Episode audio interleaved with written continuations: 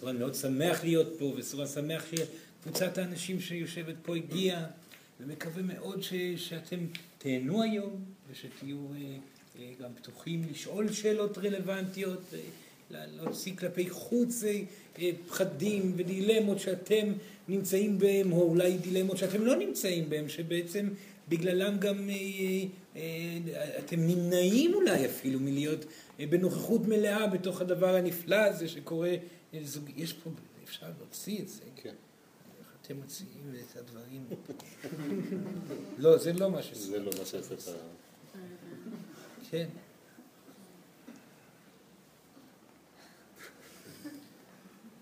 לא, לא בריא הדבר הזה. יפה מאוד, יפה מאוד, יפה מאוד. הסורן מבקש, דבר ראשון, להזדקף.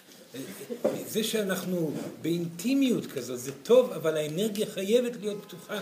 יש פה הרבה ישויות שנמצאות פה אה, ומנסות ורוצות להעביר ולפתוח ולשחרר, אז בבקשה, כולם להזדקף, ובואו בפעם נוספת, כמו שעשיתם קודם, לנשום נשימות עמוקות, שאיפה עם סורן כמובן. השאיפה הראשונה, שום ולנשוף.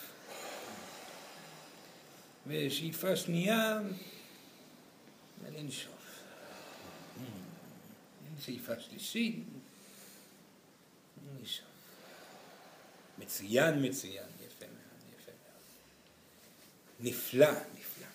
כן, זה באופן כללי, לפני שסורן פותח את נושא הזוגיות, את כל התחום הכל כך חשוב הזה, סורן רוצה להגיד שהתקופה הנוכחית הזאת שאתם נמצאים בה עכשיו, היא, היא, היא בלי ספק, היא מגיעה עם טעם קצת חדש, סורן מרגיש הרבה מאוד מים באוויר, זאת אומרת, לרוע המזל עדיין לא יורד לכם גשם, אך הגשם בלי ספק יורד ממכם, כן, יש הרבה תחושות שעולות, הרבה כאבים ש, שמתבטאים, סורן רואה הרבה אנשים מאוד מרוגשים ומאוד מפוחדים ומאוד מודאגים לפתע, לא בהכרח בגלל סיבות הגיוניות, פשוט יש כאן נטייה של האנרגיה הרגשית עכשיו קצת לאבד שליטה. אז סורן רוצה להגיד לכולם פה, לכל מי שחש את זה, שהוא לא לבד, זה משהו שקורה ביחד.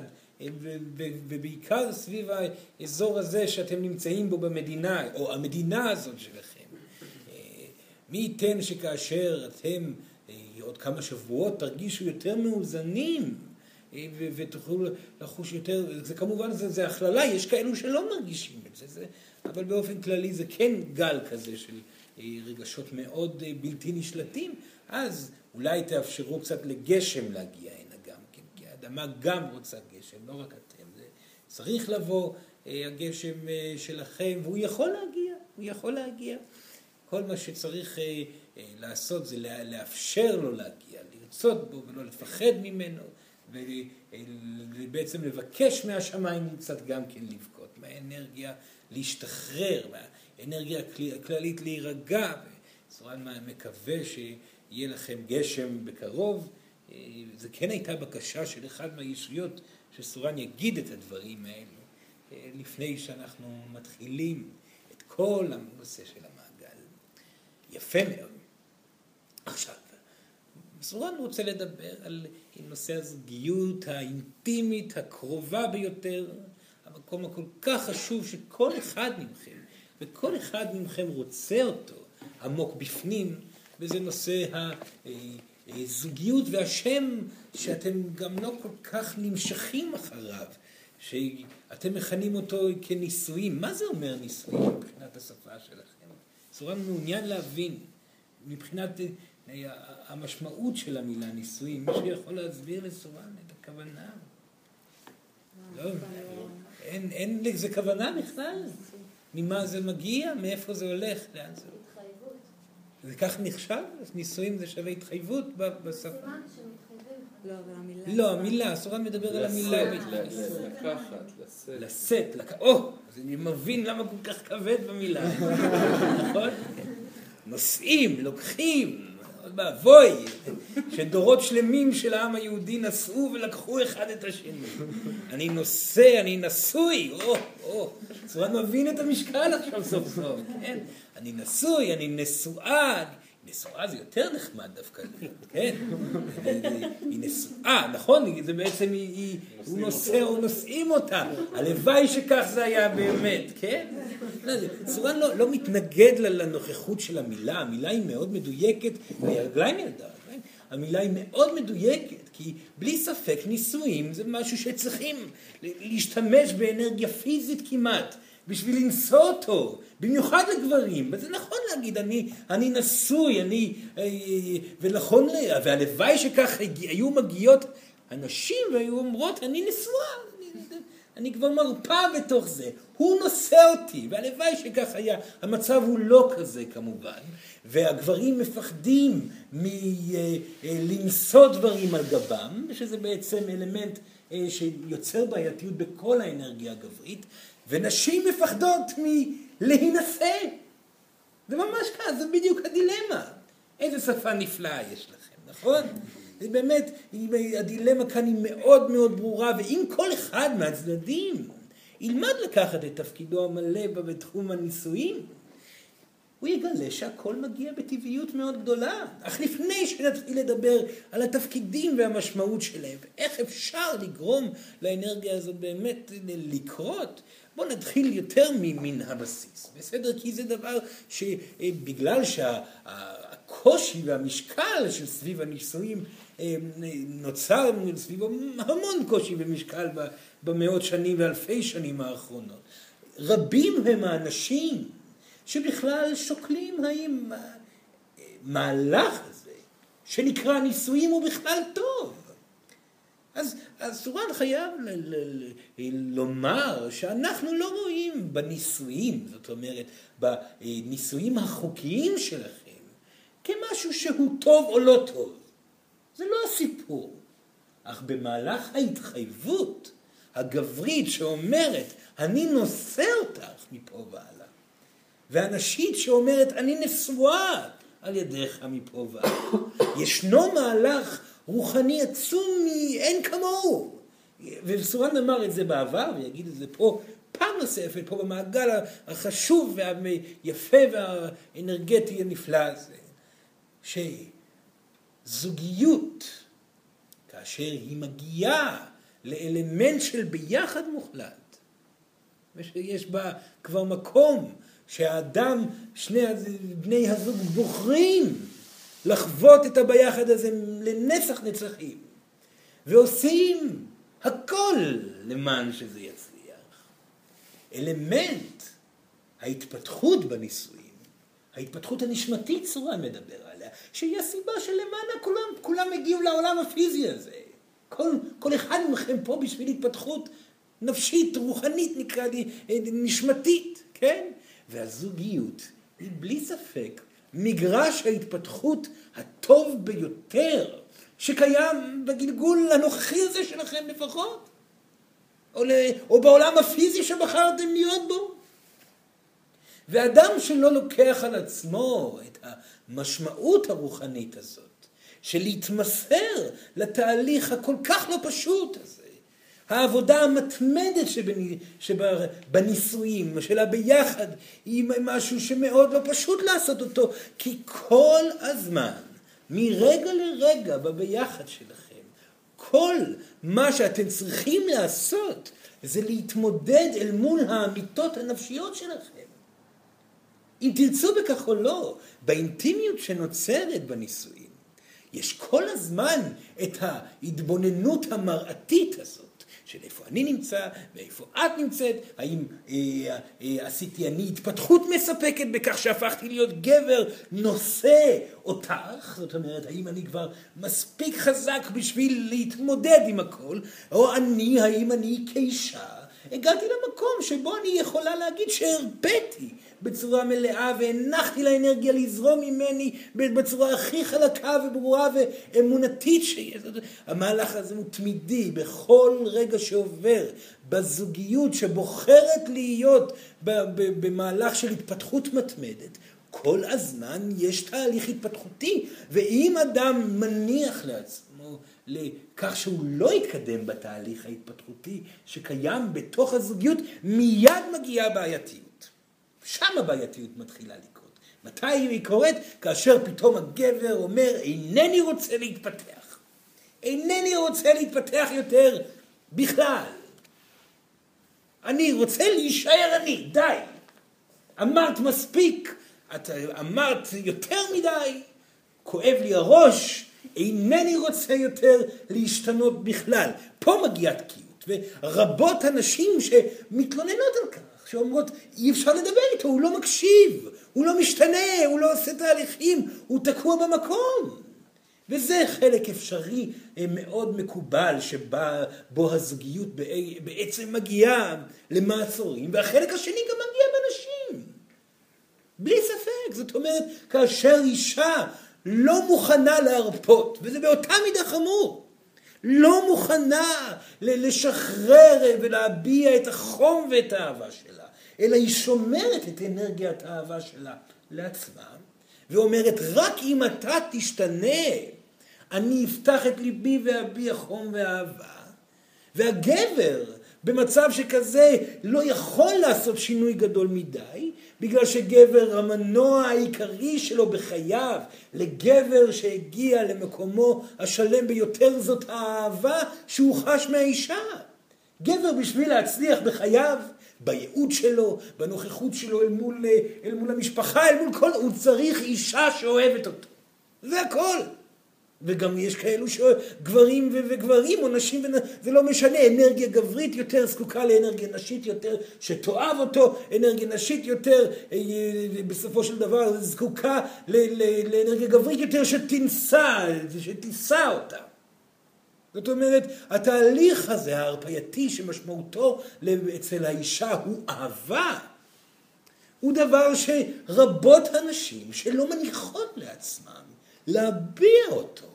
וזה יוצר תקיעות איומה ונוראה. הרבה יותר גרועה לפעמים מהגבר שמתחפר בתוך האדמה ולא מוכן להשתנות. האלמנט ההתפתחותי שבו האישה בוחרת להרפות ולהגיד אינני יודעת מה הולך להיות בעתיד. אני נמצאת בנוכחות מלאה בזוגיות הזאת. זאת אומרת, לא מבקרת את הגבר שלי יותר מדי, לא דוחפת אותו יותר מדי, אלא מביעה אהבה גם אם אני מתה מפחד. והמקום הזה שהגבר אומר, בסדר גמור, אני משתנה, אני לוקח את האחריות, אני מחליט אני בעצמי לוותר על החופש שלי, אני מוכן לוותר על עצמי למען האישה הזאת שאותה אני כל כך אוהב. באותו מקום הגבריות הופכת ונהיית רחבה יותר, וכך, וכך מיד בעזרת הדבר הזה, האנרגיה הנשית שהפכה והייתה גברית במהלך המאות שנים ואלפי שנים האחרונות, שמה קרה לה בעצם? בגלל חוסר נוכחות גברית וחוסר רצון להיות האדם שנושא, החליטה האישה גם כן, בסדר, אז אני אשא את כל הסיפור. אני אהיה חזקה, אני אחליט מה קורה, אני אדחוף דברים ואני אנהל את הכל. זאת אומרת, מקום השליטה הנשי מאוד התגבר באלפי שנים האחרונות אלו, בתקופה שהגבר פחד מה, מה, מהאחריות. והמקום הזה שאומר בסדר אז אני כבר לא אחראית, אני מרשה לגבר שלי להוביל למרות שהוא מפחד מהובלה. אני מבשרת לו בעזרת אהבתי, אמונה בו, בעזרת האהבה עצמה, ומאפשרת לו לעשות את המהלכים החשובים שאותם הוא רוצה לעשות כגבר. וכך, לאט לאט, ובתהליך לא פשוט, כי יש הרבה פחדים לנקות. הגברים מתמודדים עם הפחד שהם לא מספיק טובים כל הזמן. שאולי אני לא מספיק טוב בשביל האישה הזאת. זאת הסיבה העיקרית שגבר לא מעז להתמסר לאישה אחת, הפחד שהוא לא מספיק. רוב הגברים שבורחים מזוגיות לטווח ארוך נמצאים כלואים בתוך הפחד שהם לא יכולים לספק את האישה שלהם, או לספק אישה אחת ולגרום לה... וזה נשים לא יודעות משום מה, זה מאוד מצחיק את צורן לראות את זה, כי, כי האמת היא מאוד פשוטה, גברים פשוט מפחדים. וככל שגבר הוא מראה יותר חוזק כלפי חוץ, ככה לרוב הוא יותר מפחד. זאת הסיבה שגברים גם באורח המיני שלהם יש להם נטייה אה, לסיים מהר, לגמור מהר, כי הם פשוט מפחדים. גבר שעסוק בעצמו בנושאים מיניים, נושאים מיניים ולא מצליח לתת לאישה שאיתו ולספק אותה עד הסוף, הוא פשוט מפחד. וזאת הסיבה שבאמת גברים ברוב אה, מאוד גדול, במיניות האמיתית שלהם, הם מאוד לא מפותחים. מפחדים פחד מוות. לרוב הגברים הם מאוד טובים במיניות שלהם במקרים הראשונים, בפעם הראשונה, בפעם השנייה, בפעם השלישית, הם לא מפחדים עדיין, היא לא בחרה, היא לא, אין כאן מקום להוכיח יותר מדי, זה, זה, זה מקרה חד פעמי, יש קלילות בנושא. ואז גבר מצליח איכשהו, זה תלוי, יש כאלה שגם שם לא, אבל ברוב המקרים הוא מצליח באמת לספק את האישה שאיתו, ואז הוא בורח. למה גבר בורח מאישה שאומרת, מצוין הצלחת עד עכשיו, בוא תמשיך, תמשיך, תתפתח, אני מאושרת. למה הוא בורח? כי יש פה כבר מחויבות, יש פה מקום לנסיעה של אנרגיה על הגבר. אוי ואבוי, אם אני נשאר איתה, זה אומר שאני צריך להתמודד עכשיו עם להצליח לספק את האישה הזאת כל הזמן. היא לא, היא לא תפסיק לעולם, נשים לא מסופקות אף פעם. זה משפט מאוד מוכר, לא משנה מה תיתן לאישה, היא לא תהיה מסופקת אף פעם. זה נכון. זה פשוט נכון, זאת אמת גם. למה שתהיה מסופקת? זו מחשבה מאוד מאוד שחוזרת הרבה מאוד בזוגיות. הרי לפני שבועיים הייתי נפלא, למה עכשיו את כועסת? כי עכשיו אתה לא נפלא. עכשיו אתה לא עושה ככה וככה, אז לפני שבועיים עשית, אז מה, אני אמורה לאהוב אותך בגלל שלפני שבועיים עשית? עכשיו אתה לא גבר, קודם היית גבר, עכשיו אתה לא גבר, זה אפילו יותר מפחיד אותי. אה, אם לא היית עושה את זה לפני שבועיים, לא הייתי כל כך מפחדת.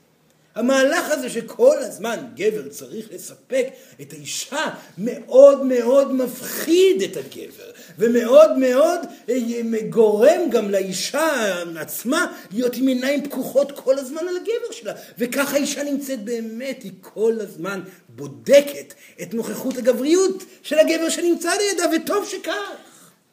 השאלה היא מתי הגבר עצמו, ידיים ורגליים, מחליט להיות במקום שהוא לוקח את האחריות הזאת ואומר בסדר גמור אני אהפוך עולמות בשביל לספק את האישה הזאת.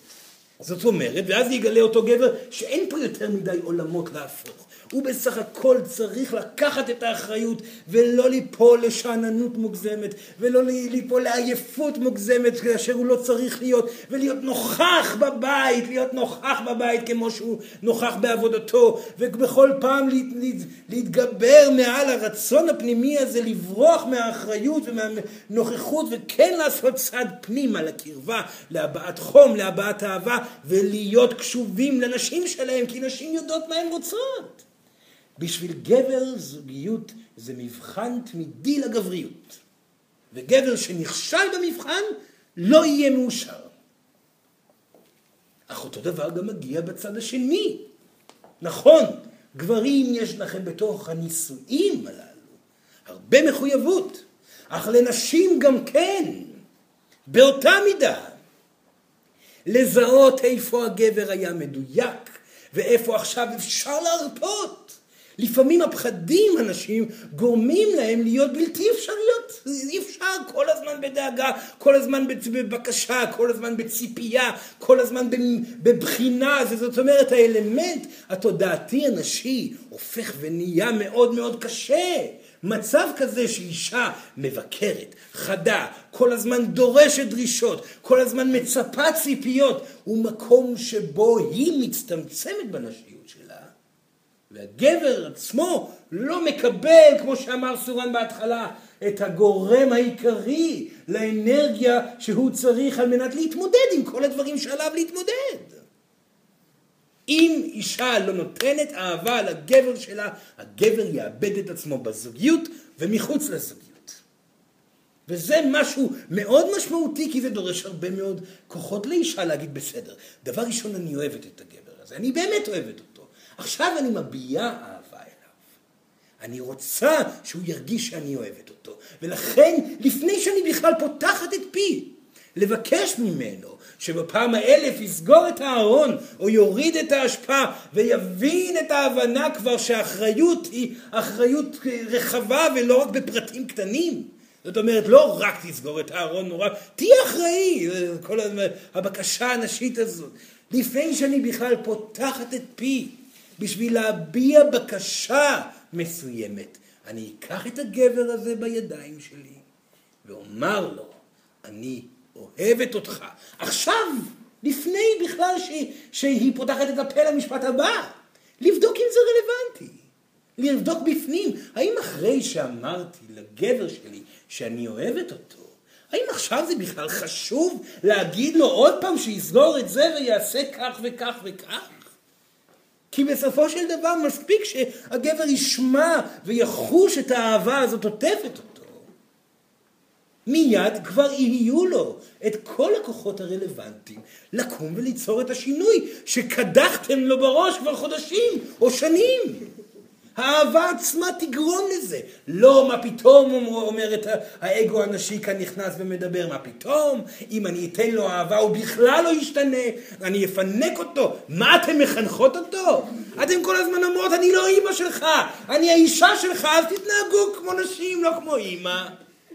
תחליטו החלטה שאתם לא מפנקות או לא מפנקות, אתם עושות מה שטוב לכם. תהיו מופתעות לגלות עד כמה שאתם לא צריכות לחנך את הגבר שלכם. הוא רוצה להתפתח, הוא רוצה לספק אתכם. השאלה אם אתן מצליחות לבחור בצורה מודעת, להשתיק את הרעש ולהיות בנתינה האהבתית הנשית ההרפייתית, זאת אומרת, להיות נשואה. זה הכל. להיות במקום שבו היא מרפה כמובן שנותנת עדיין הערות אם צריך, אך מתוך אהבה, מתוך אמונה בגבר שלה. לא מתוך חדות ומטרתיות ו- וציפייה ומכל, לא, די, קודם כל אני אוהבת, עכשיו אני אראה אם בכלל כדאי לי להגיד מה שאמרתי קודם. אם כל אחד מכם ייקח את האלמנטים שסורן מדבר לתוך הזוגיות בצורה מודעת, ויעבוד על הבסיס של האלמנטים האלו, משהו מופלא יתחיל לקרות בזוגיות הזאת. ודבר שהתחיל וקורה רק בתקופה הנוכחית, רק בתקופה הנוכחית. לפני כן היו מעטים הזוג... הזוגיות שהצליחו בכך. מהסיבה הפשוטה שהדורות שלפני שאתם הגיעו, לא היה להם מספיק מודעות עצמית לעשות את המהלך, וזאת הסיבה שיש כל כך הרבה גירושים, והתגרשו כל כך הרבה אנשים, וחוויתם את ההורים שלכם בזוגיות איומות. גם זוגיות שנשארה ביחד, הם אומללו אחד את השני כל הזמן, בגידות וכל מיני, ולמה זה מגיע? בגלל שהגבר לא רוצה להשתנות, והאישה כל הזמן מבקרת ומבקשת שהוא ישתנה, ושוכחת לתת אהבה. המרחק גדל וגדל וגדל, הגבר בורח למקומות אחרים, האישה שוכחת שהיא אישה ולוקחת אחראויות גבריות, לכן גם מאבדת מהיופי הטבעי שלה. וכך קורה הדבר שלאט לאט מתרחקים האנשים וחייב לקרות פיצוץ. כמה זמן אפשר לחיות בהכחשה שהזוגיות הזאת לא עובדת? אבל, וזה כאן האלמנט החשוב ביותר, שאין סיבה שאהבה שהייתה בהתחלה לא תמשיך ותקרה גם בהמשך. וזה משהו שסורן חייב לשים את הדגש, כי גם אנשים שוכחים אותו הרבה מאוד פעמים. אם אתם אהבתם פעם אחת, התאהבתם באדם, ההתאהבות הזאת עדיין קיימת. המילה או משפט שאומר, אני כבר לא אוהבת אותו, אני כבר לא אוהב אותה, הוא משפט לא נכון. אהבה תשוקה.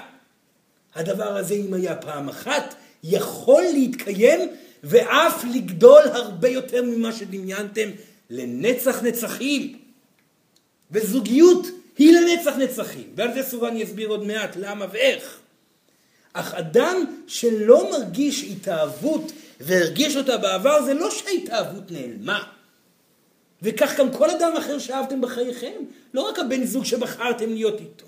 האהבה קיימת, היא פשוט מכוסה בהרי אבק, שצריך לנקות אותם על ידי ההרפייה מהאגו שוב ושוב ושוב.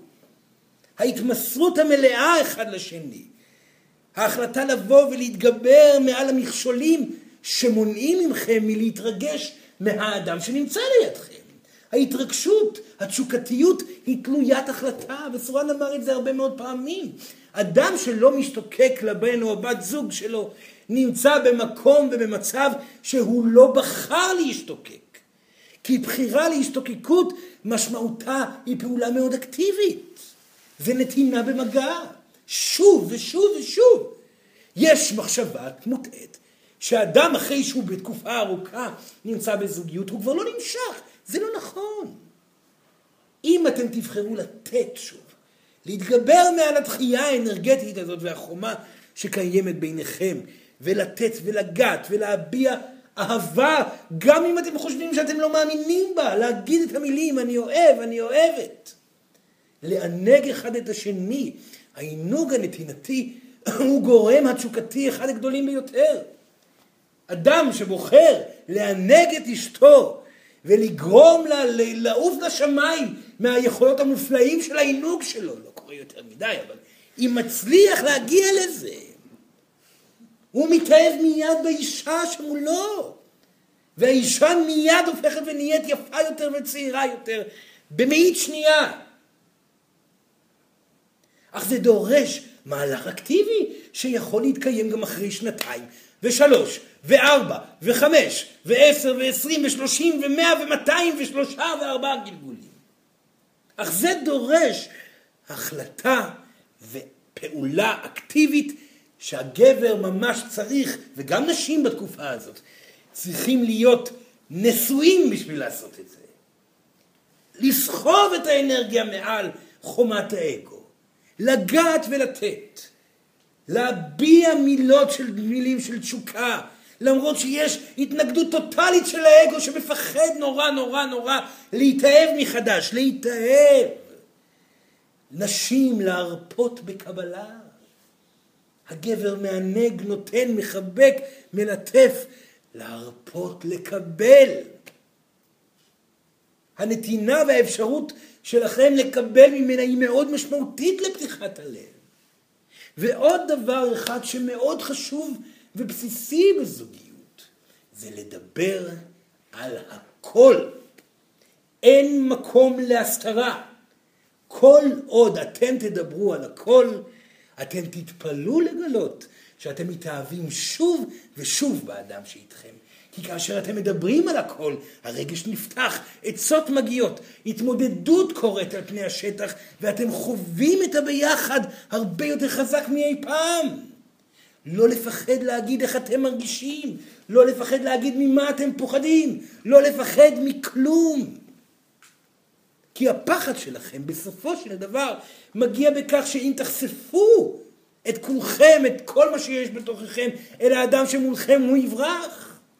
אם אדם בורח מהנוכחות המלאה שאתם מציגים מולו, הוא בהכרח לא מתאים לזוגיות איתכם. לכן הדרך הטובה ביותר לסיים נישואים זה לחשוף את עצמכם לחלוטין בתוך הנישואים. כי אם דבר כזה קורה, והגבר שרואה את אשתו שמדברת אמת ומביעה חום ואהבה ונוכחת בצורה מלאה וגם מביעה את הפחדים שלה כמובן, הוא נבהל ובורח, הוא לא גבר שיכול להכיל אותך ילדה. אותו דבר גם מול גבר. אם גבר מכיל ונוכח ומביע תמיכה ומביע קרקע ונותן את כל האפשרות לאשתו לפרוח, ואומר גם איך הוא מרגיש וכמה הוא אוהב, ואומר גם מתי הוא מפחד ולמה, ואשתו היא זאת שבורחת, היא לא האחת בשבילו. ההתרחקות ההדרגתית, ואז החלטה להתנתק כי אתם נורא כועסים אחד על השני כל הזמן, היא דרך די עלובה לסיים זוגיות, והיא דרך די עלובה לעשות פרידה טוטאלית. הדרך הפתוחה היא דרך טובה. כי אין דרך יותר טובה לזהות האם הגבר שלכם מספיק גברי, אלא להביע נשיות מלאה, ואין דרך יותר טובה לזהות האם האישה שלכם מספיק נשית, מאשר להביע נוכחות וגבריות מלאה. נשיות וגבריות, סורן לא יודע, אולי הוא יתבלבל במשפטים. אך זאת החלטה לא פשוטה, וזאת עבודה יומיומית שלא נדבר על תקופת הילדים, מי שזה עדיין לא קרה לו, שיתכונן. כי בתקופת הילדים אין זמן לכלום. סורון אמר את זה לא מזמן. נגמר הזמן, אין זמן לבוא ולדבר ולגמגם ולהעביר זמנים בכל מיני שיחות הכלכלות אה, ופריפריות. זה נגמר. יש ילדים, אין זמן לזה. האישה ישר כועסת כי הגבר לא מספיק גברי, והגבר ישר כועס כי האישה לא נותנת לו אהבה. זה מסתכם מיד בהתנגשות הבסיסית ביותר. זה נפלא. זה נפלא כי הילדים לא נותנים, הם לא נותנים בעצם נוכחותם מקום להתבלבלות.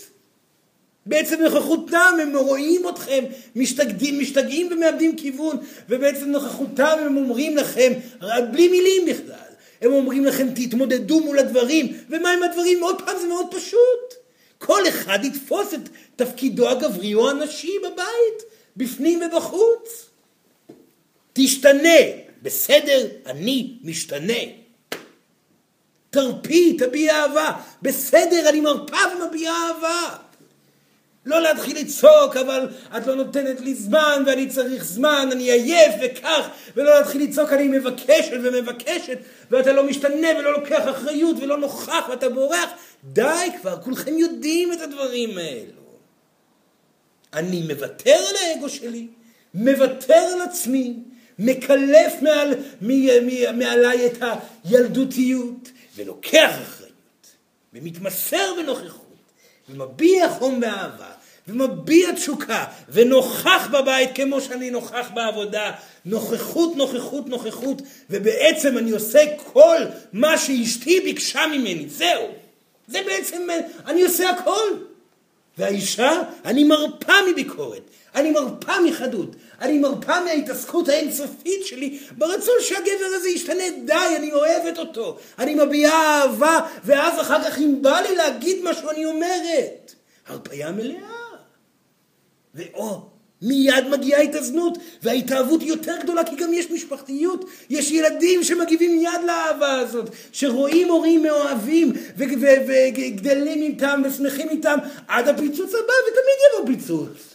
תמיד יבוא פיצוץ. חובה, זוגיות טובה, חובה שאחרי שבועיים, אולי אחרי הצלחה מאוד גדולה על התמודדות עם פיצוץ קודם, יבוא פיצוץ הבא, חובה. כי איך תהיה התקדמות? איך הדברים יגיעו לבסיס מאוד מאוד שלם אם לא עוד פעם ועוד פעם אתם תתגברו על הנטייה שלכם לברוח מההתמודדות. כאשר אתם תתחילו לזהות את האלמנט הקבוע, אתם תפסיקו לקחת כל כך ברצינות את זה שעכשיו אני כועס עלייך, ואת זה שעכשיו אני כועסת עליך. זה כבר לא יהיה סיפור גדול, וכאן סורן חייב להגיד משהו אפילו יותר חשוב בנושא. אם אתם מרגישים שאתם, הדבר האחרון שאתם רוצים זה לראות את הבן זוג או הבת זוג שלכם, הכל בסדר. לא קרה כלום, אתם כרגע שונאים את הבן אדם הזה. מותר לכם לשנוא. זה לא אומר שהאהבה נגמרה. מה, אתם התחלתם להיות הילדים עכשיו שוב? שכל פעם שראיתם את ההורים כועסים אמרתם האהבה נגמרה. במקרה הזה באמת האהבה נגמרה, כי הכעס לא זה משך החוצה מהרבה בחינות, אבל לא, זה לא אותו מצב, אתם כועסים, עוד שנייה זה יעבור. כעסתם, שנאתם, זה לא אומר שהאהבה נגמרה. יש כאן התמודדות שצריכה להיעשות. יש כאן הרפאיה מאגו מכל צד ובחירה בביחד שתגרום לאהבה להיות אפילו פי כמה גדולה מה, מהקודם. כל פעם מחדש. אל תבהלו מהתחושות האלו. אל תגידו את זה לאהובים שלכם, אל תגידו את זה. אני עכשיו שונאת אותך. אלא אם הגבר מבין ששנאה זה לא אומר שזה לכל החיים, זה בדיוק לשלוש שעות הקרובות. אבל תחושו את השנאה הזו ותדעו שכאשר זה יעבור, זה יעבור, ותוכלו לחבור עוד פעם לביחד. כי הבעיה כאשר אדם שונא ומחליט שהוא שונא וכל הזמן שונא, וכאשר הוא שונא ועובר את השנאה אחרי שלוש שעות, האדם השני שמולו פגוע לחלוטין, הוא שונאת אותי. היא שונאת אותי, זאתי שונאת אותי, אני עכשיו בורח. ואז היא, מה קורה איתה? היא עצובה, מפחדת, וגם היא פתאום מגיעה גם כן לשנאה, ואחרי שנאה, אחרי שנאה, ו- וכך נוצרת התרחקות. לא נורא, אז אני שונא אותך, לא קרה כלום. עכשיו, אז היא שונאת אותי, זה יותר חשוב. היא שונאת אותי עכשיו. לא קרה כלום, נכון, טעיתי. או נכון, היא הייתה לא מאוזנת עכשיו, היא פחדה יותר מדי, היא הייתה מוגזמת בפעולה שלה. היא, זה יעבור לה, אני אוהב אותך עדיין, לא קרה כלום. ברגע שאתם יודעים ששנאה זה חוויה שחייבת להגיע, ואחרי שהיא תעבור, תגיע אפשרות לאהבה אפילו יותר גדולה. אתם לוקחים ברוגע את כל המהלך הזוגי הזה. והרבה יותר קל לכם להגיד, נכון, היום לפני שלוש שעות שנאתי, עכשיו אני אוהב אותך יותר מאי פעם, הבנתי את הטעות, אני משתנה, אני הבנתי את הטעות שלי, אני משתנה גם כן. אני מאבדת את האגו, ואתה מאבד את האגו, אני לוקח אחריות ואני לוקחת נשיות, זה הכל. המהלך הקבוע, תודה, לא עוד רגע. המהלך הקבוע הזה, של שוב ושוב לחזור אחד לשני. ולא לחשוב שאהבה זה דבר שנוסק אל השמיים באופן טבעי, כי זה לעולם לא יקרה, אלא כל פעם התגברות חוזרת על הדילמות שמגיעות, הקשבה לרגש הפנימי, ויתור על האגו, בחירה וחיבור, בחירה בהבעת אהבה יותר ויותר גדולה, מלומר אמת, התפתחות אל מול האדם השני. שוב ושוב העבודה הזאת, העבודה הקשה הזאת, תביא אתכם להפסקות ארוכות יותר, מלאות בגן עדן זוגי. ואז עוד פעם תהיה נפילה, ועוד פעם יהיה מהלך אולי אפילו קשה יותר מקודם, ושוב יהיה גן עדן, עד שבשלב מסוים האלמנט של ההתקדמות ממהלך של קפיצה למעלה והידרדרות איטית, ואז עוד קפיצה למעלה והידרדרות איטית, יתחיל להיות נטייה של התקדמות איטית מאוד עם קפיצות קטנות, ואלמנט של הגבהת המערכת יחסים והגבהת האנרגיה ככל שהזמן עובר.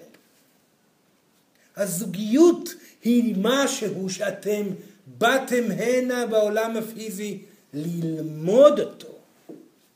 אתם אינכם יודעים איך ליצור אותו, לכן באתם לעולם הפיזי. אתם עד כדי כך לא מפותחים, תקבלו את זה. לא, אתם לא מכירים, לא היה לכם מקרה אחד בהיסטוריה הנשמתית שלכם שהייתם בזוגיות טובה, ועכשיו אתם בפעם הראשונה בוחרים את הגבר או את האישה, אם אתם מספיק אמיצים, להתמסר להתפתחות האינסופית שקיימת בזוגיות, בשביל ליצור בפעם הראשונה, בגלגול ראשון, את הזוגיות הנפלאה הזאת, שהיא תמשיך גם לגלגולים הבאים. לכן, צורן כאן אומר, אתם היום, בתקופה, בגלגול הנוכחי, בוחרים לכם את הנשמה התאומה. ומי היא הנשמה התאומה? הנשמה שאתם תפגשו בגלגול הבא אם תרצו, או שפשוט תצאו למסע אינסופי ביקום ביחד איתה? היא הנשמה שמסכימה לעבור את תהליך ההתפתחות האינטנסיבי ביחד ולא לוותר על האמת, על ההתקרבות, וביחד מוכיחים לעצמם שמצליחים לוותר על האגו ולראות את האמת ולהשתנות למען טוב יותר שוב ושוב ושוב. נשמה תאומה זאת נשמה שעושה מסע ביחד, ומסע הוא לא כולו טוב. במסע יש נפילות, יש עליות, יש פתאום מקומות מאוד מפחידים ויש גם גן עדן, אך הכל קיים.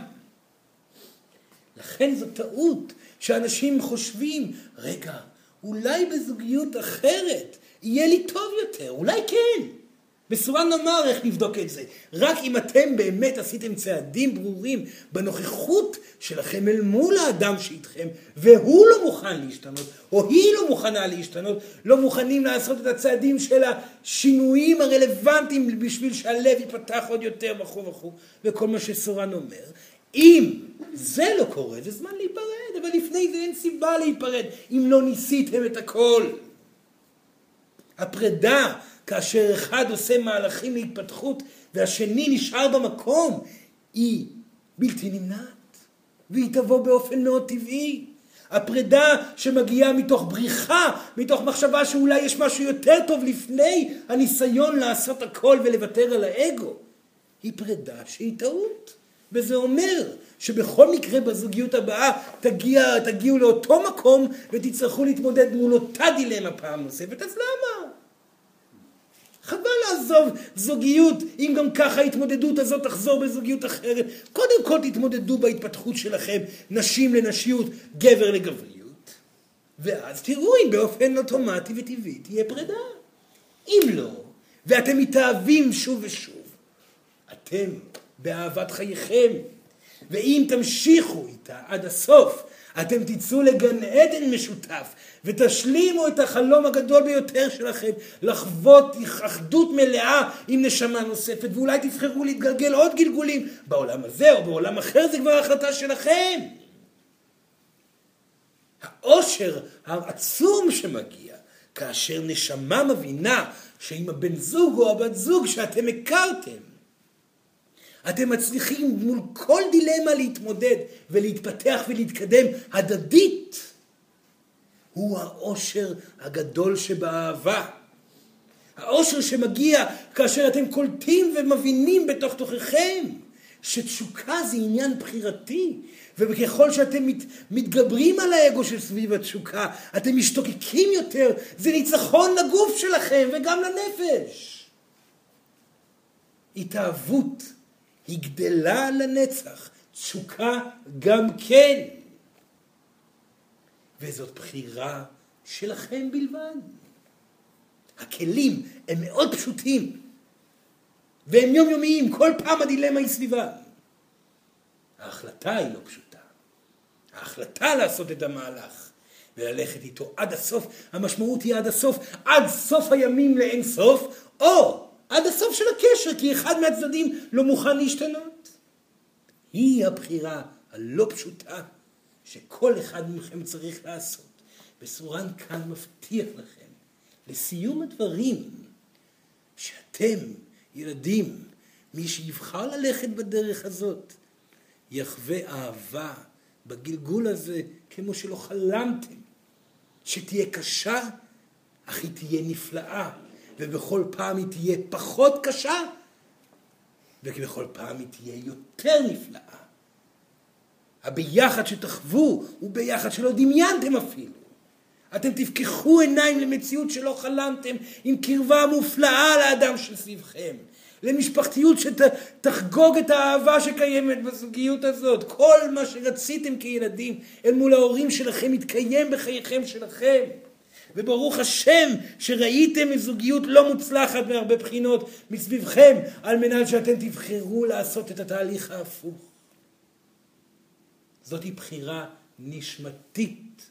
בסורן, מאחל לכם בהצלחה איתה, ויודע שכך יהיה. הכוחות הנפשיים נמצאים בתוככם, והרצון לחוות את האהבה האינסופית גם כן.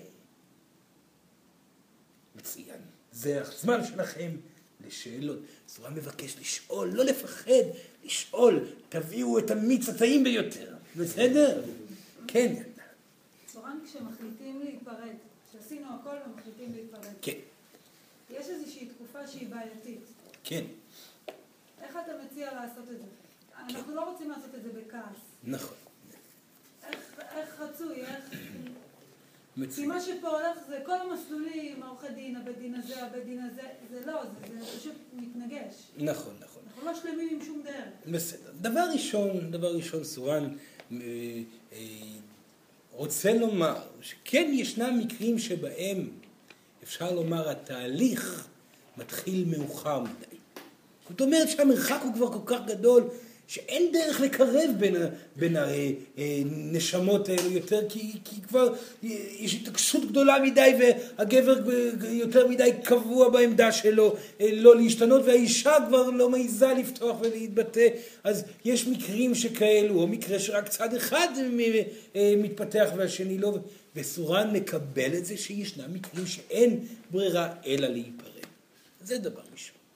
עכשיו, על מנת שפרידה תהיה טובה ונכונה, חייבים להיות ויתורים.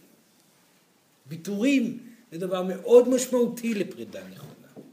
והחלטה בכל פעם לבחור בשני הצדדים באלמנט הנשיות והגבריות בתוך הפרידה. זאת אומרת, לפני שאני עכשיו נלחמת לך, אני בוחרת לאהוב אותך. כי אני אוהבת את מה שהיית, אני אוהבת את מי שאתה, למרות שזאת לא אהבת חיי, אני אוהבת. לכן אני מתבטאת מתוך מקום רך.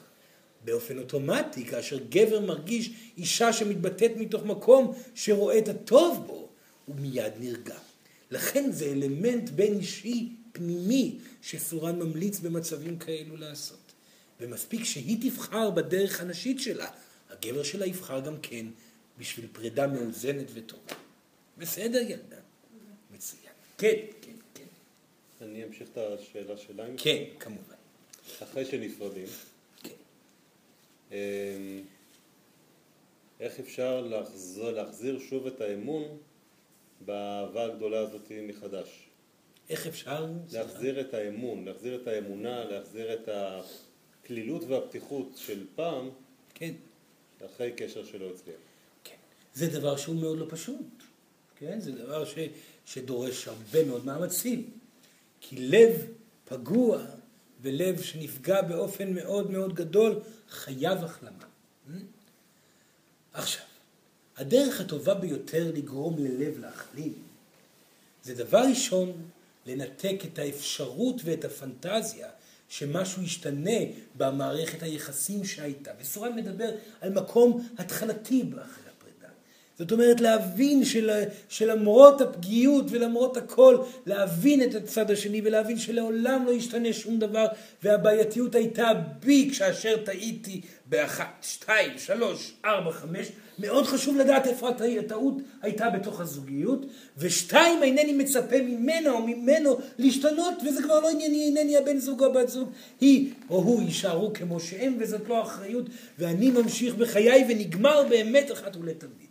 זו החלטה מאוד מאוד בסיסית וטובה להתקדמות מעבר הפגיעות. להבין היכן היו הטעויות ולהשתנות ולהרפות מהציפייה שבכלל שהצד השני יעשה משהו. זה דבר ראשון. עכשיו, הדרך הטובה ביותר להחלים היא להיכנס לתוך הזוגיות הבאה, או לתוך רומנטיקה אפילו, או נוכחות מול גברים או נשים, ולוודא שהטעויות שנעשו בעבר לא נעשות. כי כך הופך האדם, הופך עצמו אותו אדם, למשהו חדש, יולד את עצמו מחדש. הנה, אינני כמו שהייתי בעבר. עכשיו אני לא נותן יותר מדי. עכשיו אני נותן כמה שנעים לי, עכשיו אני מביע אהבה כמו שלא הבעתי בפעם הקודמת, עכשיו אני לא מדבר יותר מדי, למדתי מהטעויות של הזוגיות הקודמת, השתניתי. זה חלק אחד מאוד משמעותי במהלך הזה. החלק השני שבעצם יביא ריפוי טוטאלי הוא האלמנט המושלם של היקום שיבוא אליו. זאת אומרת, החוויה שלכם את הזוגיות החדשה, שבעצם תפוצץ את כל המחשבות שהיו לכם לגבי איך זוגיות הייתה אמורה להיות, או מה חוויתם מה שחוויתם בעבר. המציאות תלמד אתכם מהי זוגיות נכונה לכם. לכן ההתנסות המעשית אל מול בני זוג פוטנציאליים, בכך שאתם משתנים מהאלמנטים הקבועים של העבר, ובכך שאתם אה, מאפשרים לאהבה להתקבל בצורתה החדשה, היא הריפוי הטוב ביותר ללב השבור. בסדר? מצוין. כן, כן, כן. יש תיאוריה אבולוציונית שאומרת שתפקיד של זכר בטבע זה להפיץ זרעו כמה שיותר, ושל אישה למצוא אחד. כן. מה שאני רוצה לשאול, איך התיאוריה הזאת מסתדרת על התמסרות לאישה אחת? בכל זאת בבני אדם יש איזשהו מרכיב חייתי. כן, בלי ספק בבני אדם יש מרכיב חייתי, וסורן חייב גם להגיד שהתיאוריה הזאת ממש לא מסתדרת. והיא לעולם לא תסתדר כי היא שטות גמורה. בסדר? למה היא שטות? כמובן שבכולכם יש מרכיב חייתי. וכמובן שבכולכם יש אגו מסוים. אך אתם לא נמצאים בתקופה שהאגו מגובה בה. התקופה הזאת האגו לא רוצה, אתם לא רוצים באגו, אתם מזהים את הסבל שיש בו. ולכן בכל האלמנטים בחיים שלכם אתם מרפים מהאגו. ההחלטה של הרפאיה מאגו היא לא החלטה אנושית.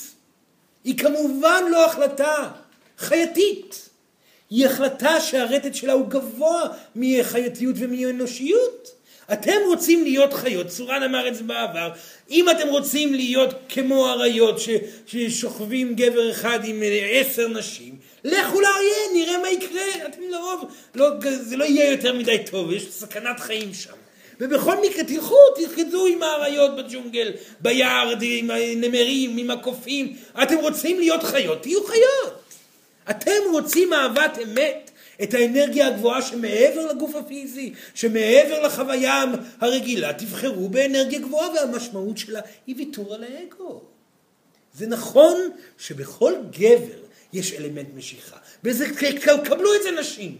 גבר שאומר שהוא לא נמשך לנשים אחרות, הוא משקר. כי זה נכון, הוא עדיין חיה. אתם גם עדיין לא מושלמות, אתם לא, אתם לא עדיין לא הגעתם לנשיות המלאה. הגבר עצמו גם כן לא הגיע לנשיות המלאה, וזה בסדר, הכל טוב. השאלה מה אתם עושים את זה? השאלה מה הגבר עושה, האם הוא בורח ומתחיל לשכב עם נשים אחרות? כי זה מעיד על אנרגיה נמוכה חייתית, זאת אומרת בעלת רטט נמוך מאוד, שאין הרבה נשים בתקופה הזאת שיקבלו דבר כזה. או האם הגבר הזה מצליח לקחת את התשוקה שהוא חש ולהעביר אותה בצורה מודעת אל האישה שאותה הוא בוחר. ולהתאהב בה בעזרת אנרגיית התשוקה הזאת שוב ושוב ושוב. זאת אומרת, וכאן צורן חייב להגיד, כי שאלו את צורן איזה פעם, אדם אחד שאל את צורן איזה פעם, אז מה אני אמור לעשות? זאת אומרת, לדמיין את האישה הזאת כאשר אני שוכב עם אשתי? מה פתאום? מה פתאום? קחו את האנרגיה שחוויתם גברים יקרים, מהאנשים שחלפו סביבכם, אם אתם עדיין נמצאים בשלב הזה, ישנם גברים שכבר חלפו מהשלב הזה, שהתמסרותם כבר הגיעה לבאמת התאהבות טוטאלית באישה שלהם, אך זה מקום שצריך להתפתח אליו. קחו את האנרגיה, תנשמו אותה, תשתמשו באנרגיית התשוקה, זאת אנרגיה גברית, היא אנרגיה אדומה נפלאה, תחזקו את גופכם בה, תרגישו אותה משתלבת בכל האיברים שלכם. ותלכו. לאישה שלכם, תסתכלו עליה, תתבוננו בה, תבחרו לאהוב אותה בצורה אקטיבית, וכל השוקה האנרגטית הזאת תעבור מיד לאישה שאיתכם. זאת הדרך הנכונה לעשות את זה, וכל אחד מכם, גברים, יכול לעשות את זה. בשלב מסוים, כאשר עושים את זה מספיק, כבר לא צריך להימשך לנשים אחרות, זה לפחות לא במינונים שאתם מכירים, זה ייקח קצת זמן, אבל כל גבר שמתמסר את ההתמסרות המלאה הזאת, מרגיש את זה יותר ויותר, וכך מתחילה להיות גם תשוקה מלאה לאישה שאיתכם, וגם חוויית זוגיות מלאה וטובה. להרשות לעצמכם, גברים, ללכת ולראות ולשים את חותמכם אצל כל אישה, זה פוגע בהוויית הרגשית שלכם. וגבר שאומר, בסדר, אם ככה אני הולך לקבוצת אנשים שחיה בצורה הזאת. זאת אומרת, גבר ששוכב עם כל הנשים, נשים ששוכבות עם כל הגברים, ובעצם יש, אני לא יודע איך אתם קוראים לזה, כזה, זה... בלאגן. המקום הזה הוא מקום של ויתור מאוד מאוד גדול, במיוחד אצל נשים. כי האגו הגברי כאשר הוא מפותח, הוא אומר, יש, תראו עם כמה נשים שכבתי, איזה כיף. אישה, לא משנה עם כמה גברים היא שכבה, היא אומרת, לא, אוי ואבוי. אני מבזה את עצמי ומוותרת לעצמי. ואז מה שקורה, מתוך כל האוכלוסיות המופלאות האלו בהתחלה, יש נדידה נשית כלפי העולם ההגיוני, וגברים נשארים לבד, לשכב אחד עם השני. זה מה שקרה בכל אוכלוסייה פתוחת רעיונות כזאת. כי כמה אישה יכולה לשקר לעצמה שטוב לה לאהוב את כולם אם היא לא הצליחה למצוא את הזוגיות שבעצם מתמסרת אליה. אישה זקוקה לגבריות נוכחת בצורה מלאה וגבר, איך הוא יכול להיות מאושר לטווח ארוך אם הוא לא הגיע למקום שבו הוא מראה ומוכיח לעצמו שהוא גבר באמת. זאת אומרת שהוא הצליח להתגבר על כל הנטיות החייתיות שלו והצליח להתגבר על כל הפחדים שלו ולקחת אחריות על אישה אחת, על משפחה, אחריות על ייעוד, אחריות, אחריות, והוא מרגיש בנוח בכל אחריות ומצליח להכיל את כל האחריות שהוא לקח. גבר לא יכול להיות מאושר, הוא תמיד מרגיש לא מספיק גברי, גברי וכך זה מתחיל לפגוע גם בגוף. אישה שהיא בעצם לא מצליחה לעשות את המהלך הזה, היא פוגעת בגוף הנשי שלה, וגבר בגוף הגברי שלו, וכך זה ממשיך וזה לא נעים בכלל. יש ריקנות באהבה לא אמיתית, אלא רק גופנית. יש ריקנות בחוסר התמודדות אל מול פחד שלא מביאה לשום מקום. אז כן, התיאוריה היא נכונה, אך היא שייכת לרטטים נמוכים יותר. כלפי אנשים שהולכים לרטט גבוה יותר, התיאוריה הזאת היא מבזה, היא תוקעת במקום. ויש הרבה מאוד גברים לנשים הצעירות שפה והיפות שפה, שגברים עדיין מנסים לכבוש את ליבן, שנותנים תיאוריות יפות וכך, כן, גבר הוא כך וכך, וצריך כמה נשים, אינני בטוח שאני מוכן למחויבות, בואו נראה, נעשה עבודה משותפת, כל מיני משפטים איומים של גברים. כשגבר אומר לאישה, תשמעי, יש מרחב בדעות בינינו בתוך הזוגיות. אני עדיין לא בטוח שאני רוצה זוגיות, ואת כן רוצה, אבל לא לדאוג, אנחנו נעבוד על זה ביחד. או, זה משפט של ילד, תקומי עכשיו ותלכי. כי לא עובדים ביחד. אני מוכנה כבר לאהבה אמיתית, אתה מפחד ממנה. אין פה עבודה ביחד, תעבוד אתה.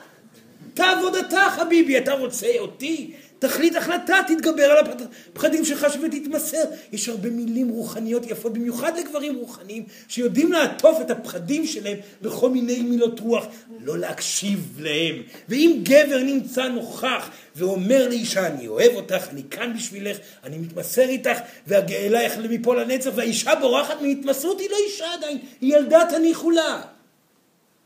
תזהו את האלמנטים שנמצאים מולכם ואל תשקרו לכם לעצמכם.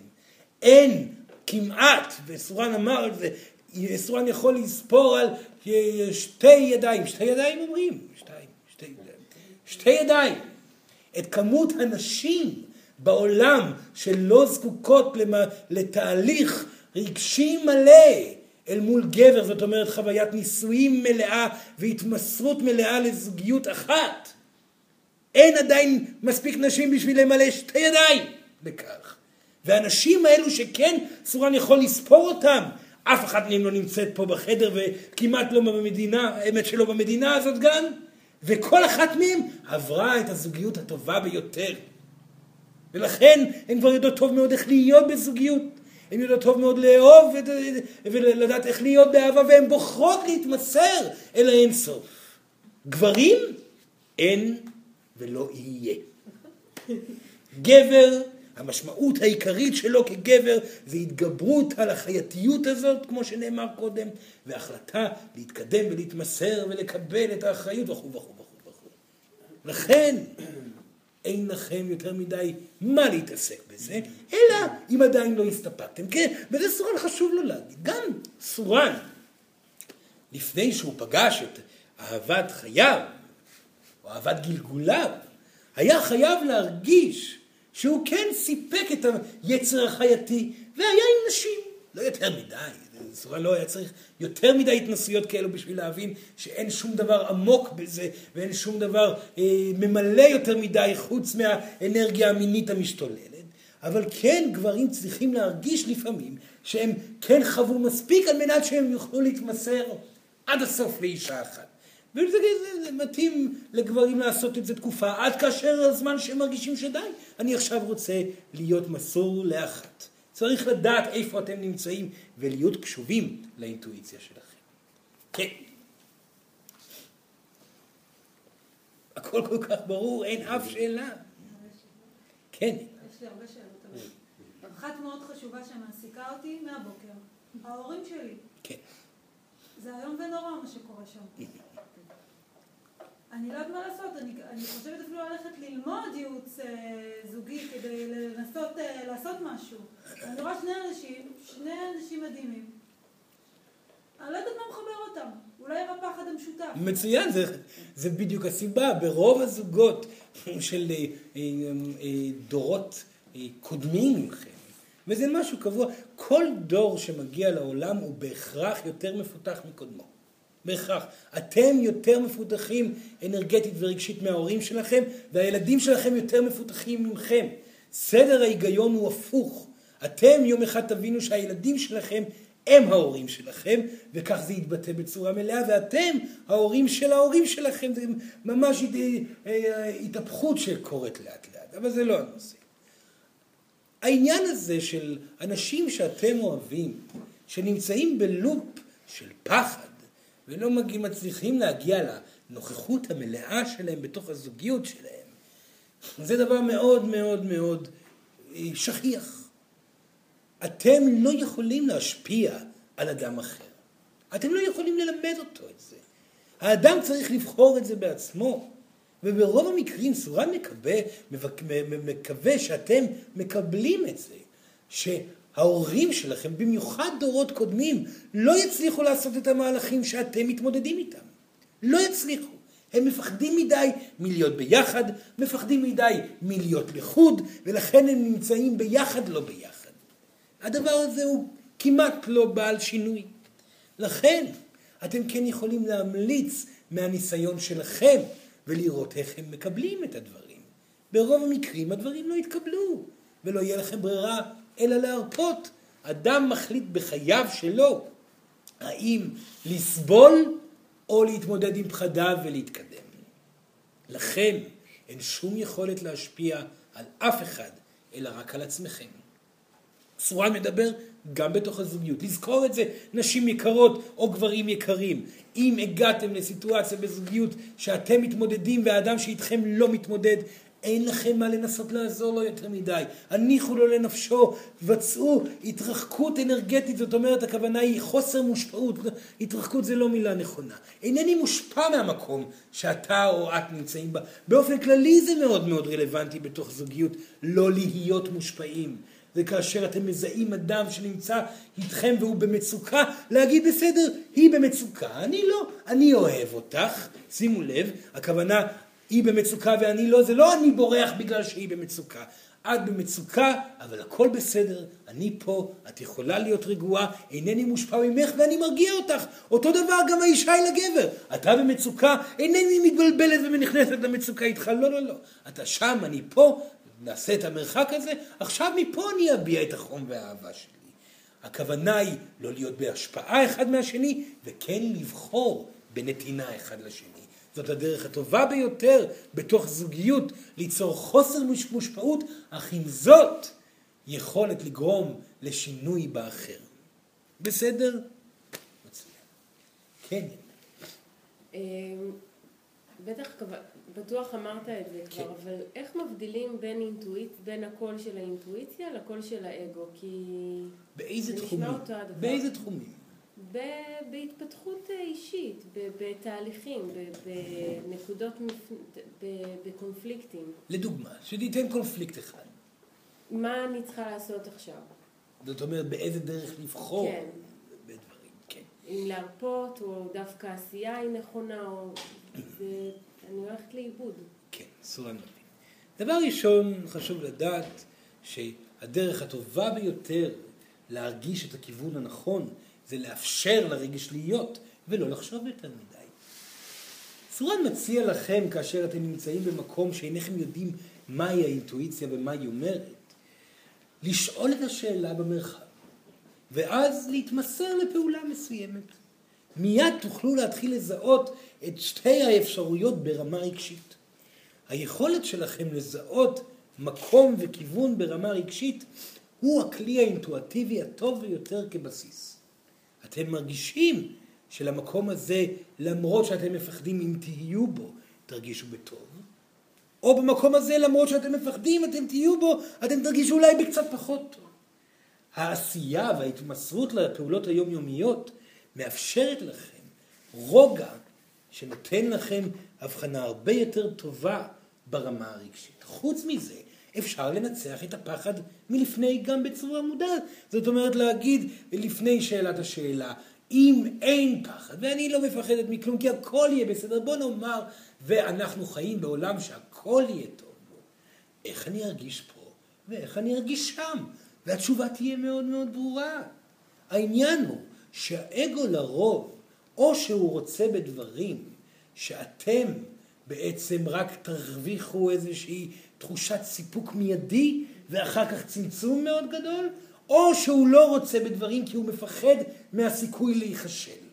אז כאשר מבטלים את שניהם, או על ידי התעסקות יומיומית, התשובה היא הרבה יותר ברורה, או כמובן על ידי ניצחון הפחד וההחלטה שלכם, או להגיד לעצמכם אם אין פחד, מה ואיך ארגיש, או אם אני לא הולכת להצליח גם, אם לא תהיה הצלחה, אז איפה אני ארגיש יותר מלאה במעשיי? זה גם דרך טובה. לבטל את המחשבה ולראות את החצים הרגשיים מובילים וממלאים את המרחב הזה ואת המרחב הזה. הטעם הרגשי יהיה מאוד מאוד ברור ואיתו האינטואיציה. בסדר? זה בתור, בתור התחלה, אחר כך זה מתפתח ומתקדם לכלים אחרים. גם בתוך זוגיות יש מקום לעשות את זה מאוד מאוד מאוד, כן?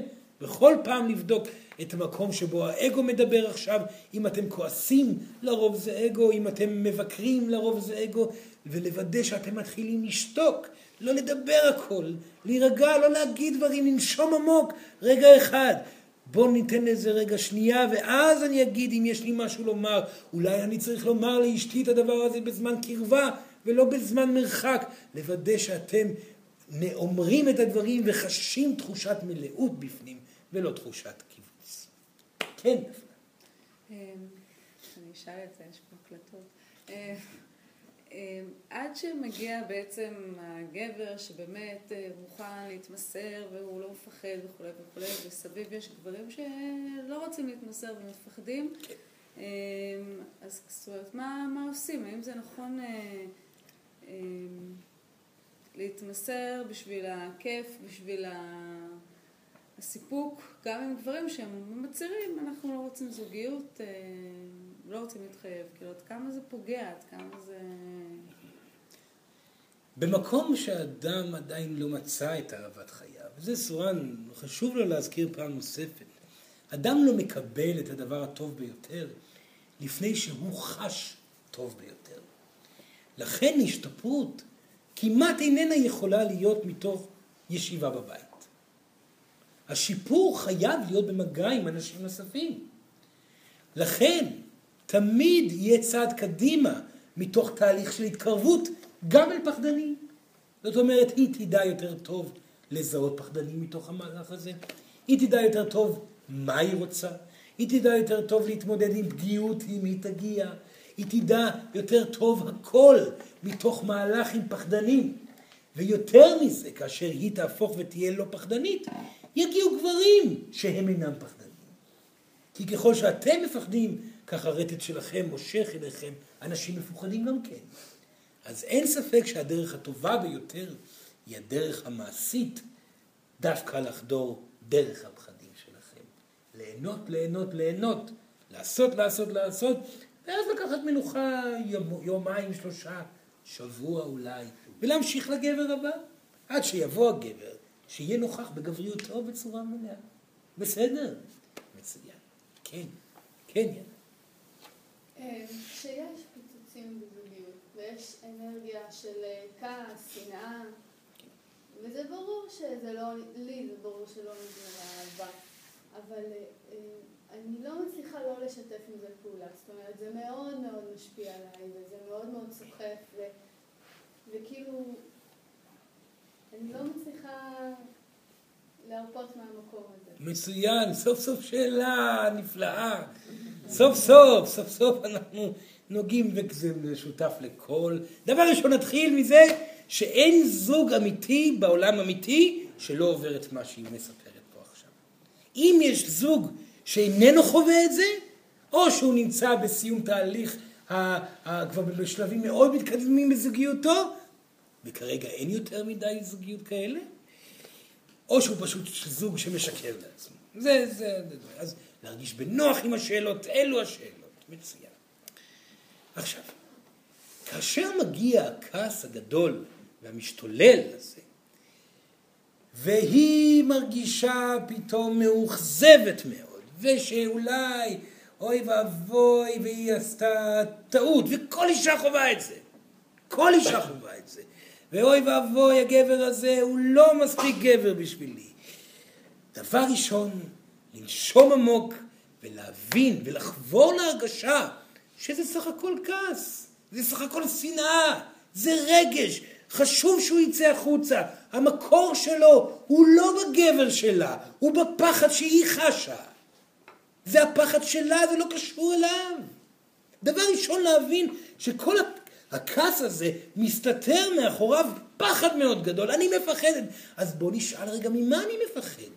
ממה אני מפחדת? האם אני מפחדת מלהיפגע? האם אני מפחדת שאני לא אצליח לתת לאנשים האהובים שלי דברים? ממה אני מפחדת להתמודד עם הפחד עצמו? ואז, ואז לבוא ולפתוח את הנושא העיקרי, שמהו הפחד שמולה היא מתמודדת ולכן היא מתפרצת בצורה כזאת.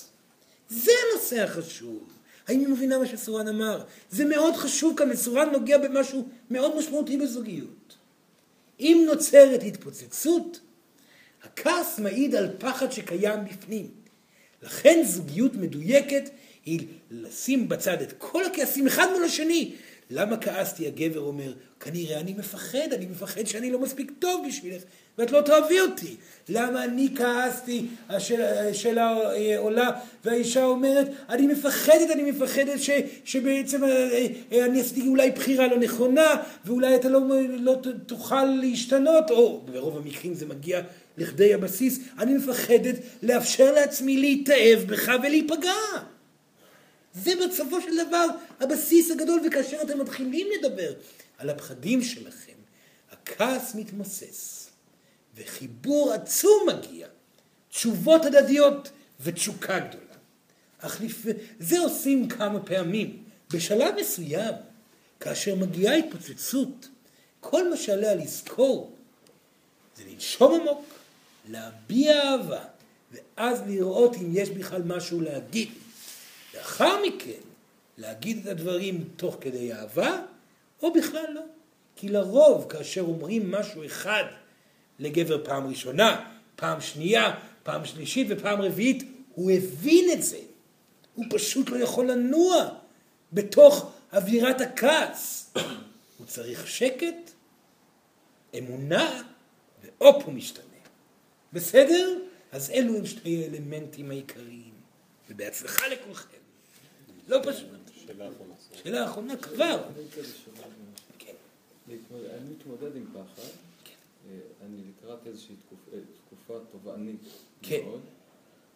יציאה מאיזשהו אזור נוחות. כן, כן, סבן יודע. כן. כרגע יש זמן להשקיע בזוגיות ובילדים. זה נכנס לתקופה ש... זה הולך להיות מאוד מאוד קשה. כן. יש באיזה פחד מאוד גדול מוויתור על הזמן הזה ועל ההשקעה הזאת, ועל ה... יש המון אשמה, וזה ככה תלוי באוויר, כמו איזה נברשת מול הפנים, ולא כל כך יודע מה לעשות עם זה. נפלא, איזו שאלה נפלאה. סורן רוצה רק להמשיך עכשיו את המאג. בסדר, בסדר, בסדר, סורן כבר יענה כאילו על השאלה הזאת, כן? מצוין. כל גבר אשר מתקדם אל מול פחדיו מגיע למקום שעליו הוא דיבר. המקום שבו הייעוד הופך וצובר תאוצה, וכך מגיע אלמנט מפוחד, שהוא לא יהיה לו מספיק אנרגיה לספק את משפחתו, בנוכחות גברית, בנוכחות בנשים, מול האישה הנפלאה שהוא בחר, בסיפוק שלה וכו' וכו' וכו'. כל גבר יצטרך להבין בשלב מסוים שעל מנת להצליח לעשות את כל זה, עליו לוותר לחלוטין על עצמו. לחלוטין על עצמו. הכוונה היא שהאינטנסיביות, הפעולה אחר הפעולה, ההתמודדות המלאה והנוכחות המלאה בכל פעולה, לעולם לא מסתיימת. לעולם לא מסתיימת. זה לא שהיום אני אעשה את כל העבודה ואגיע הביתה ואמשיך לעשות את כל העבודה ומחר אני אוכל לנוח. לא. זה לעולם לא מסתיים. עליי אני כגבר, עליי, למצוא את הדרך, להיות באינטנסיביות בעבודה ולהגיע הביתה ולהיות נוכח עם הילדים ובמיטה להיות עם אשתי באהבה ולהרפות לתוך שינה מתוקה ולקום בבוקר לאותה אינטנסיביות. כאשר מוותר האגו במקום הזה ואומר, בסדר, כך יהיה, כל חיי ייראו כך, זה תהליך לא פשוט, לא פשוט, שהוא יצטרך להתמודד איתו. אז נרגע האלמנט המפוחד, העומס יורד למעשים מאוד מאוזנים וללא ניסיון יתר, ולכן לא מוציא הגבר יותר מדי אנרגיה. לא פה ולא שם, הוא פשוט נוכח ועושה את הדברים בהנאה מאוד גדולה וברצף, ואז להפתעתו מגיע, מגיעים יותר ויותר זמנים למנוחה. דווקא מתוך ההרפייה בצורך למנוחה. זה, במקום הזה שסורה מדבר עליו, מדובר על רטט פעלתני כל הזמן, נעים כמו אש במדורה שפועלת כל הזמן, על ידי ויתור בכלל על, על האפשרות שהמדורה הזאת תכבה מתישהו, תמיד אשמור על המדורה הזאת דולקת בלילה שילך לישון, ישן ויהיה בסדר. במקום הזה מוצא הגבר זמנים למנוחה, להרפייה, ואפילו גדולים יותר ממה שהיה לו פעם. ואת זה הוא יצטרך לגלות לבד. אבל הזמן המשותף, כן. זה, מזה אני... לא לדאוג, זה מה שסורן אומר. הזמן, יש פחות. הזמן המשותף שהוא חושב שיהיה פחות, הוא יהיה נוכח בו במידה מלאה. לכן המידה המלאה הזאת תספק את כל הצרכים המשפחתיים, ומתוך זה האינטנסיביות שבה הוא ישמור, סורן אומר את המילה אינטנסיביות, אך בוא נאמר נוכחות מלאה, במקום הזה שהוא ישמור עליו, יאפשר מרווחים יותר ויותר גדולים, להפתעתו העבודה תתקצר בזמניה, והמשפחה תגדל בזמנה. לא לדאוג, זה מהלך רוחני לחלוטין. נפלא. עוד שאלות, בבקשה, שאלות כאלו נפלאות. כן, ילדה. זו קצת שאלה שקשורה אליו. מצוין, מה- מצוין. מה המהלך המקביל אצל נשים, למה שתיארת עכשיו? המהלך המקביל אצל זו שאלה מאוד רחבה, ילדה. אפשר לומר שהמהלך המקביל אצל נשים זה לא שונה יותר מדי באופן מעשי. זאת אומרת שהמהלך המקביל אצל נשים לרוב מתבטא בצורה מעשית באותו עניין. זאת אומרת, ייעוד אינטנסיבי, בית אינטנסיבי. זה אותו דבר. העניין הוא שההרפייה קיימת בתוך האישה יותר ויותר, וההחלטה לא להיות עסוקה בעתיד ולהרפות מהפחדים ולהרפות מהדאגות ולהרפות מהשליטה בכל תחום, אלא פשוט להביע את שמחת החיים, את האהבה, את הרכות, את, הנתון, את הנתינה בכל מקום, להיות שלווה ורפויה בעבודה ובבית ולתת לדברים לנוע לבד. המקום ההרפייתי הזה, שהוא גם יכול להגיע במקומות מסוימים, במקומות אינטנסיביים, הוא המקום השלם של האישה. נחת, אין שליטה, אלוהים מחליטה הכל. אני פה במיטבי, מביעה את האהבה, את שמחת החיים שלי, בנוכחות ממלאת כלפי עצמי ונותנת כלפי הסביבה. זאת האנרגיה. ככל שרפויה יותר, נותנת לדברים לקרות לבד. כך הגבר לוקח אחריות באופן טבעי ומוביל את הדברים בעצמו. בסדר? כן. ילדה. מה קורה במצב שיש אה, דמות של אפשר מים בבקשה? דמות של גבר, של גבר אה, שהייתה אהבה מאוד גדולה, ויש תכונות אה, כלשהן שמחקקות במוח, שלא מאפשרות ליצור זוגיות חדשה, או שמחפשים את אותן תכונות. סורן חייב לבקש לשאול את השאלה פעם נוספת, כי כנראה לא הבין אותה. פעם נוספת. אוקיי. אה, היה לי קשר, אני מדבר, כן. היה לי קשר עם מישהו שהייתה איתו אהבה מאוד גדולה. כן. הקשר הסתיים, אה, ויש אה, תכונות של אותו גבר שאני מחפשת בגברים אחרים. אחרים, וזה לא כל כך... לא כל כך עובד. מצוין.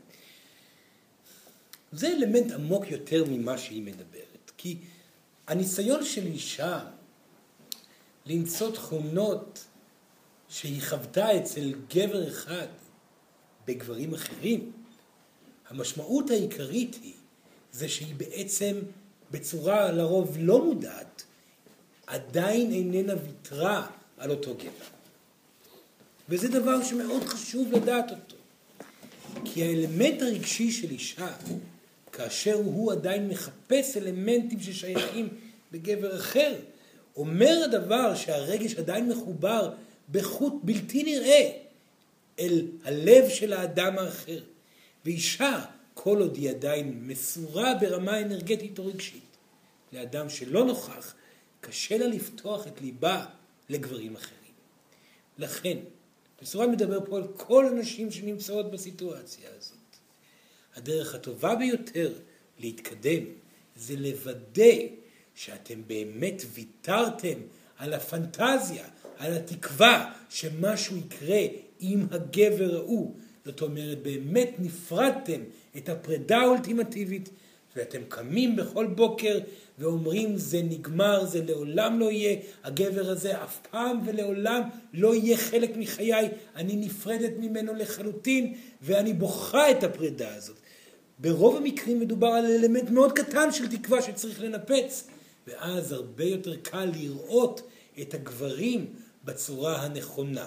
לא שאולי, שיכול להיות שישנם אלמנטים שהיא אוהבת, שהיא תבחר גם בגבר אחר, אך לא יהיה לזה הקשר לאותו גבר, ולכן תהיה גם הרבה פחות ביקורת. בסדר ילדה? זה משהו שסורן ממליץ באמת לכולם לשים לב שהם לא נמצאים בפנטזיה על משהו מהעבר, כי פנטזיה זה אחד מהדברים הגרועים ביותר שיש למין האנושי. כן. סורן, האם, אתה, האם אותו דבר קיים גם לגברים? מתי? כן. האם זה זהה? כמובן, פנטזיה זה מחלה לא, לא אנושית. פנטזיה. ספציפית לגבי אהבות ישנות וחיפוש של תכונות באהבות ישנות באהבות חדשות. זה מאוד מאוד תלוי, רוב המקרים כן, אך אצל גברים, אם מדובר על משיכה מינית, אז התשובה היא, כנראה גבר פשוט אוהב אישה כזאת. אם משיכה מינית מדוברת עליה. אם זה תכונות אופי, אז זה כבר כנראה משהו אחר. בסדר? כן, כן.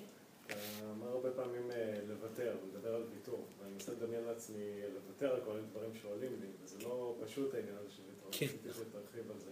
המאבק בסדר, וזאת השאלה האחרונה, שאלה נפלאה. נפלא.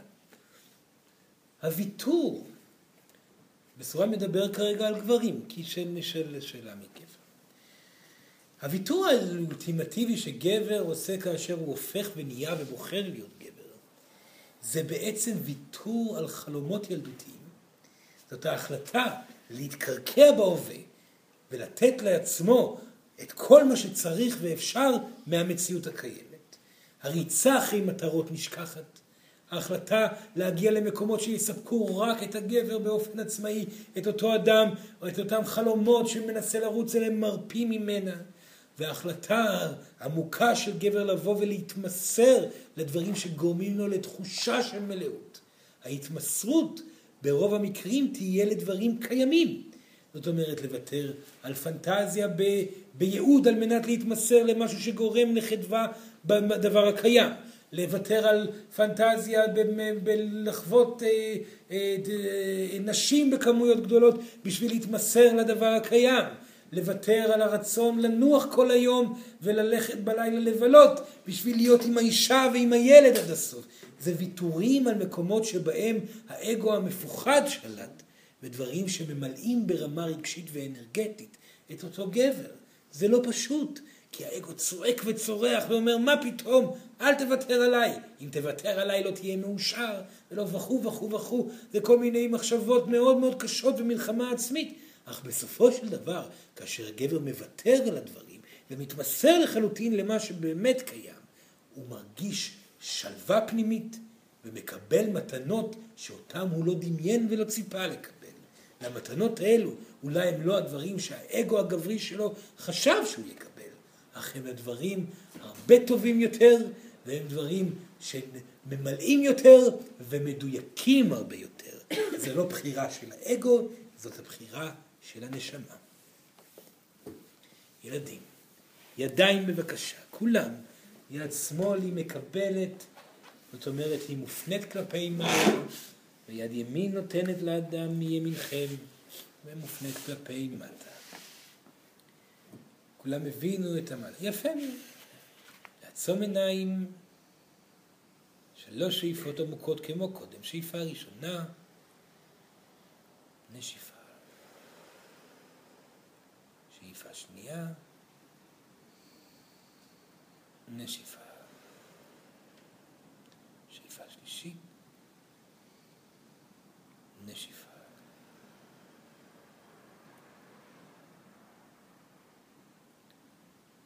סורן שמח מאוד לדבר על הדברים האלו כאן היום. מבקש מכם לזכור אותם, אך לא להאיץ יותר מדי בדרך. אם אדם מבין את המילים ורוצה עדיין להרפות במקום שבו הוא קיים, להרפות, לא להילחם אל מול האגו בכוח חזק. המציאות תאפשר לכם את ההתמודדות הרלוונטית. יום אחרי יום בתוך הזוגיות, לוודא שוב ושוב שאתם מצליחים לעשות את הוויתורים הרלוונטיים, את ההתמסרות, את הבחירה באהבה, את ההתמודדות החוזרת, וכך, צעד אחרי צעד, אתם תחוו את האהבה שעליה דיברנו היום, והיא גדולה, והיא מופלאה, והיא פשוטה, והיא ממלאת, והיא עוטפת, והיא מלאה בתשוקה ושמחה. אך היא עדינה, ואין בה מטרות גבוהות, יש בה פשוט אמת, חיבור, השתלבות, הרמוניה ורוגע. סורן מאחל לכולכם את המתנה הזאת של האהבה הגדולה, ויודע שכל אחד מכם, אם יבחר בזה בצורה מלאה, יקבל את זה. מי שצריך את סורן, פשוט לקרוא לו. תודה רבה, ילדים.